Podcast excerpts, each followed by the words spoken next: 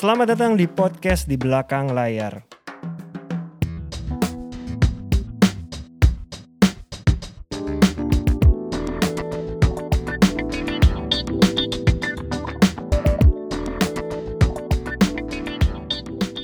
Halo teman-teman pendengar podcast di belakang layar. Kita udah 63 episode nih mas. Kita sudah berjalan sampai 63 episode. 63 Berarti episode. yang sekarang 64 ya? Hari ini 63. Oh 63, oke. Hari ini 63. 63. Oke. Udah di penghujung Desember 2021 menuju 2022 Iya. ya. Kita tuh mulai episode pertama tuh udah pandemi kan ya? Itu 2020 20. 2020 Udah, udah pandemi. Sekarang pandemi masih masih lah ya Masih. kita bilang pandemi Masih masih. Omicron kan sekarang Iya, kan. Omicron. Gue sih sempat baca yang Omicron ini lebih cepat menular. Heeh. Tapi, Tapi- konon katanya tidak sebahaya membahayakan Delta. Delta, betul. Iya. Ya walaupun gimana pun sih gue tetap waspada lah Iya, karena iya. kita keadaannya udah Terkendali sebenarnya kan terkendali, penanganan pandemi. kita balik lagi ke kemarin. Betul. kan. Gimana kalau menurut lo kita lihat balik ke 2021 mas? Kalau kita ngomongin flashback ya, gue sih ngerasa gini, kita 2021 itu kan awalnya itu kan kita memasukinya itu dengan, kan ini gue pribadi ya Dip, itu kan memasukinya dengan harapan yang besar bahwa kita sudah bisa mengatasi pandemi, ya kan, kemudian juga situasinya akan bisa segera membaik kan seperti itu dan memang dalam kenyataannya kan begitu dari Januari sampai ke bulan Mei, Juni itu kan situasi memang membaik kan. Maksudnya Iya. kerjaan-kerjaan juga udah mulai Iya, kalau kita Iya. ingat ingat-ingat dari Januari, emang Betul. sebenarnya grafiknya dari Januari ke Iya. Juni itu lagi mulai mulai naik. naik, maksudnya ada pekerjaan pakai pekerja udah picking up, kemudian juga boleh dibilang udah hampir normal kan gitu Iya. loh maksud gue. Bahkan kalau kita ingat-ingat syuting teka-teki Iya. itu terjadi di bulan Mei Juni. Nah makanya itu kan udah udah situasi udah enak lah Iya, kayak gitu iya. kan, maksudnya kita juga uh, off air juga udah mulai bisa kan Iya. seperti itu. Tapi begitu masuk ke bulan Juli itu kan kita masuk lagi ppkm darurat tuh, Iya ya kan? tarik rem tangan lagi karena tiba-tiba Nah itu kalau di gua itu kurang lebih dua bulan tuh kita berhenti tuh.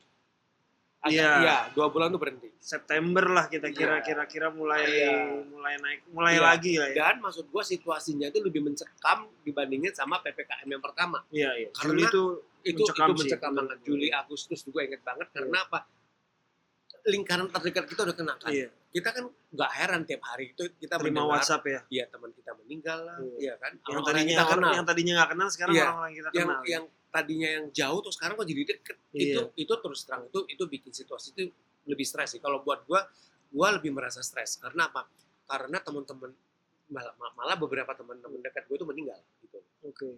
ya kan? Karena covid gitu. Nah, itu bikin itu kan bikin situasi lu nggak bisa ngapa-ngapain Iya. lu di rumah aja belum belum bisa beraktivitas tapi lu setiap hari mendengarkan kabar seperti itu. Iya, iya. iya kan? Itu kan bikin situasi yang cukup apa ya bikin lu down seperti Betul. itu nah cuma untungnya kan mulai Oktober kan udah mulai udah mulai balik lagi lah Iya. maksudnya pemerintah sudah bisa mengatasi kemudian apa angkanya juga udah mulai turun Iya. kan gitu. Kalau diingat-ingat tuh emang Juli Agustus itu kan naiknya gila-gila. gila-gilaan gitu sih. Sempat seratus ribu sehari. iya Tapi iya. pada saat Oktober lu ngerasa gak sih nurunnya gila-gilaan? gila iya Jadi gue pikir orang Indonesia ini canggih juga sebenarnya.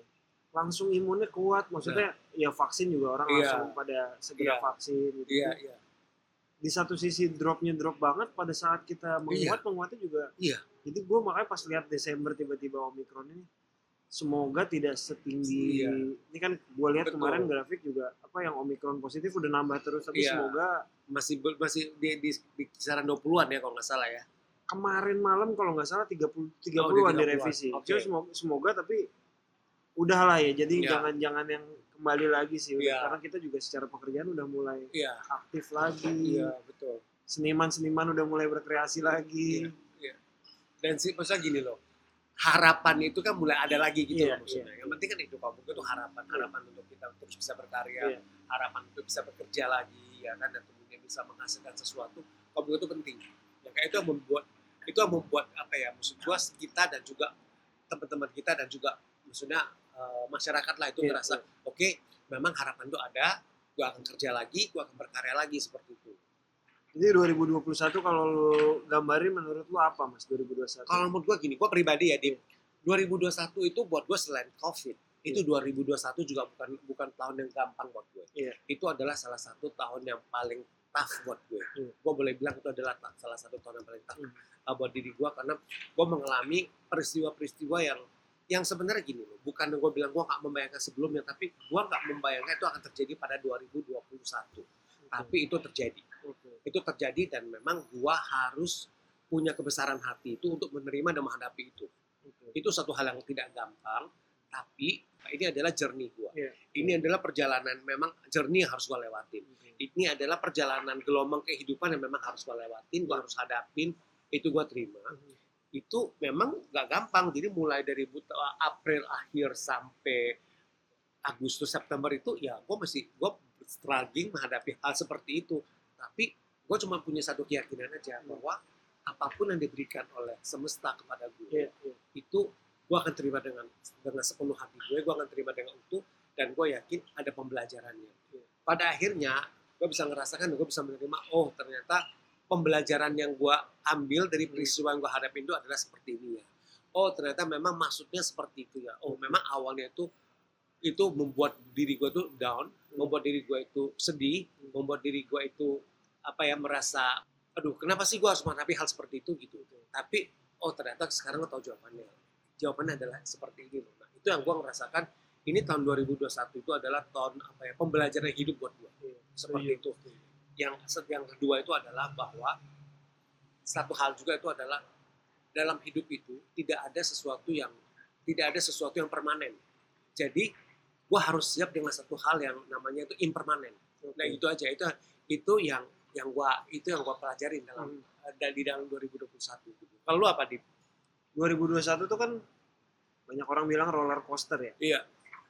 Kalau 2020 gua anggap zona istirahat, ya 2020 tuh menurut gua kita 2021. emang i- 2020 tuh istirahat menurut gua karena kita yang tadinya lagi sibuk Iya. banget tiba-tiba off semua. 2021 awalnya gue pikir adalah waktunya untuk memulai kembali. Iya. Sebenarnya gua gua pikir gitu.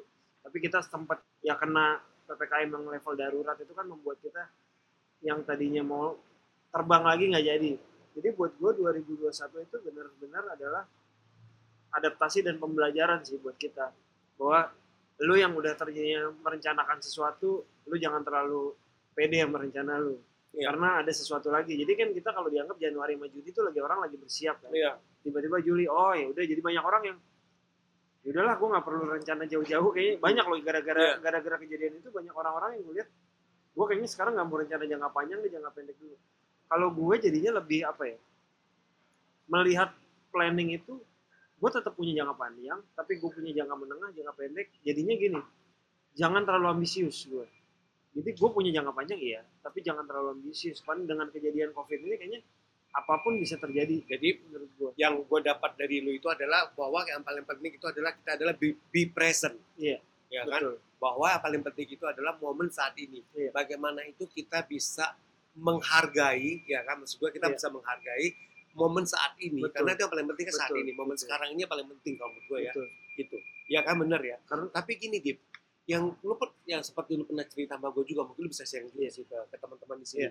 Kamu, gue lu tahun 2021 itu juga lu kan mendapatkan satu opportunity yang gak semua orang tuh bisa dapatin sih. Lu bisa, maksud gue, lu itu menjajal gitu loh, menjajal mendapatkan kesempatan dan menjajal kemampuan itu sebagai produser Iya, film, iya ya kan? Which is itu bukan satu hal yang gampang dan nggak semua orang tuh bisa mendapatkan Iya. pengalaman itu. Boleh Iya. lu share nggak itu? Iya, makanya tadi salah satunya gue bilang pembelajaran kalau di manajemen di Hakrup 2021 itu fase di mana kita saling belajar. Talent-talent gue banyak memulai hal baru, begitu juga gue. Talentnya belajar hal baru, gue pikir juga gue bikin hal baru. Hakrup bikin another sister company namanya Imaginary. Eh, Imaginary adalah sebuah production house. Dulu nggak awalnya nggak kepikiran Imaginary itu buat PH mas. Imaginary itu awalnya gue sama Ernest bikin untuk grooming penulis dan director baru. Tapi ke akhirnya ke sini groomingnya tetap ada. Kita ganti ganti judul lah. Jadi kita ganti brand. Kita punya brand satu lagi namanya Askara sekarang. Askara ini adalah brand untuk eh, grooming penulis dan director baru. Yang sekarang ada di sana Sigit dan Naya Anindita. Akhirnya Imaginary kita jadiin PH. Switchingnya cepet banget mas. Agustus ketika COVID mulai kelihatan grafik menurun, kita dapat ide bagaimana kita menjadikan Imaginary buat sebuah film. Dari mana nih investornya? Bikin film di saat pandemi kan lumayan ini juga. Alhamdulillahnya tiba-tiba ada kita berpartner sama Angga Sasongko. Mereka punya brand visionary untuk jadi investor. Yuk kita bikin film langsung segera tahun ini. Agustus meeting, Oktober syuting. Dua bulan udah PH-nya baru. Akhirnya kasih waktu gue tiga bulan. Gue akan berpikir apa yang harus gue jalanin. Ya udah karena Ernest masih terikat kontrak sama PH lain. Oke gue akan jalanin. Gue mau belajar. Karena ini PH baru gue ya berarti gue yang harus langsung turun kan belajar dari A sampai Z sampai detik ini gue masih belajar mas karena kita kan baru selesai prosesnya syuting kan proses post pro sampai tayang ini masih panjang kan jadi banyak banget hal-hal baru yang gue pelajari yang biasanya gue kita sebagai manajer direkturnya manajer penulisnya manajer produsernya sekarang kita jadi produser itu kan. Dan kamu gue gini Dip, ini adalah satu kesempatan yang yang luar biasa. Maksud gue itu itu satu blessing buat lu sih. Itu Iya, satu iya. satu loncatan yang besar. Dan Iya. maksud gue itu iya. Kalau gue gue anggap itu satu privilege. Bahwa lu bisa mendapatkan kesempatan itu lu ambil lu belajar dan gue yakin itu ke depannya pasti akan menjadi gini loh Iya. itu akan menjadi sesuatu yang apa ya sesuatu yang meng- mem- membanggakan kalau menurut gue dan bisa menginspirasi juga teman-teman manajer artis bahwa eh kita jangan kepatok hanya sebatas Betul. jadi manajer artis kita kita punya kesempatan yang besar untuk kita berkembang karena dan- kan itu iya. pun nggak melupakan eh, pekerjaan kita sebagai Iya. manajer artis karena itu melengkapi makanya jadi lu nggak kesulitan membagi waktu sejauh ini sih nggak karena gue mempercaya ketika proses syuting gue mempercayakan tim-tim gue untuk lo pegang dulu gue fokus sebentar ke sini pasti gue akan balik lagi. Toh pekerjaan pekerjaan tim gue yang menghandle talent juga tetap gue pantau gitu sebagai produser ini gue sangat dibantu sama Ernest banget yang sudah pernah jadi produser gue banyak banget bertanya sama dia ini gimana itu gimana Dan dia gitu. juga dan dia juga hands on untuk untuk membantu iya juga dan dia happy banget gue menempati posisi ini karena buat dia juga gue harus belajar karena posisi ini kan pernah dia tempatin dan Iya. sekarang masih ada yang dia tempati kan Iya. ketika pun dia ikut sebagai produser produser jadi gue ya udah happy lah karena sama-sama belajar Iya. buat gue ya kita selalu tahu ya manajer artis kan nggak ada pelajaran di mana pun dan produser ini jadi produser itu ada juga. nggak ada ya mungkin kalau di luar negeri ada kali ya. Tapi buat gue itu benar-benar melengkapi gue sebagai manajer artis sih. Jadi gini Dip, kalau gue gini, sebenarnya 20, 2021 itu tahun yang penuh pembelajaran dan tahun yang penuh opportunity buat kita sih Iya. sebenarnya. Karena gue juga tahun 2021 juga akhirnya dengan segala jatuh bangunnya gue, gue bisa melaunching buku gue yang ketiga. Oh bisa iya, buku gue yang ketiga tentang manajemen artis itu udah selesai, udah gue bisa gue bisa diluncurkan. Dan gue itu memenuhi janji kepada diri gue sendiri bahwa gue pengen me- apa memberikan kontribusi lah kepada industri hiburan di Indonesia. Hmm. Jadi maksud gue gini Dip, uh, gua, kita ngom- gua ngomong di sini aja lah ya. Mudah- Iya. Mudah-mudahan ini bisa direspon dengan baik dengan teman-teman sekalian. Maksud gua tahun depan itu 2022 kalau menurut gua sih dia udah waktunya juga uh, podcast di belakang layar itu juga kita bawa juga. Mungkin Betul. kita akan bikin roadshow kalau Iya. menurut gue. Iya. Karena gua ngerasa gini Dip. Kita tuh 2020 kita di 2021 itu kita mendapatkan begitu banyak privilege dan begitu banyak berkah menurut gue Iya. ya. Berkah itu kan nggak harus semata-mata dalam bentuk materi iya iya tapi sebenarnya lu udah mengalami kesulitan Hmm. lu bisa mengatasi kesulitan itu itu sesuatu blessing betul. karena lu belajar kan dari Iya, sana betul. gitu itu Betul. satu pembelajaran lu bisa bagikan ke orang lain Iya. sama sama halnya juga dengan misalkan lu jadi produser Iya. itu kan lu bisa sharing juga ke teman-teman Iya, jadi gue berharap sih Dip, di tahun 2022 itu mudah-mudahan ya harusnya udah bisa Iya. jadi kita udah bisa apa kita juga bisa membawa uh, uh, apa brand kita ini podcast di belakang layar itu juga Iya. off air juga gitu loh jadi kita tuh amin amin kita bisa roadshow ya kan kita membawa kita kita kita apalah kita berbagi iya pengalaman kita sama energi kita itu kepada teman-teman gitu. setuju karena kan sesuai seperti itu visi misi kita dari Iya. awal bikin program ini Itu kan kan itu tujuannya adalah sebenarnya. kita berbagi sama banyak orang iya regenerasi manajer artis iya kita pengennya kan seperti itu Iya.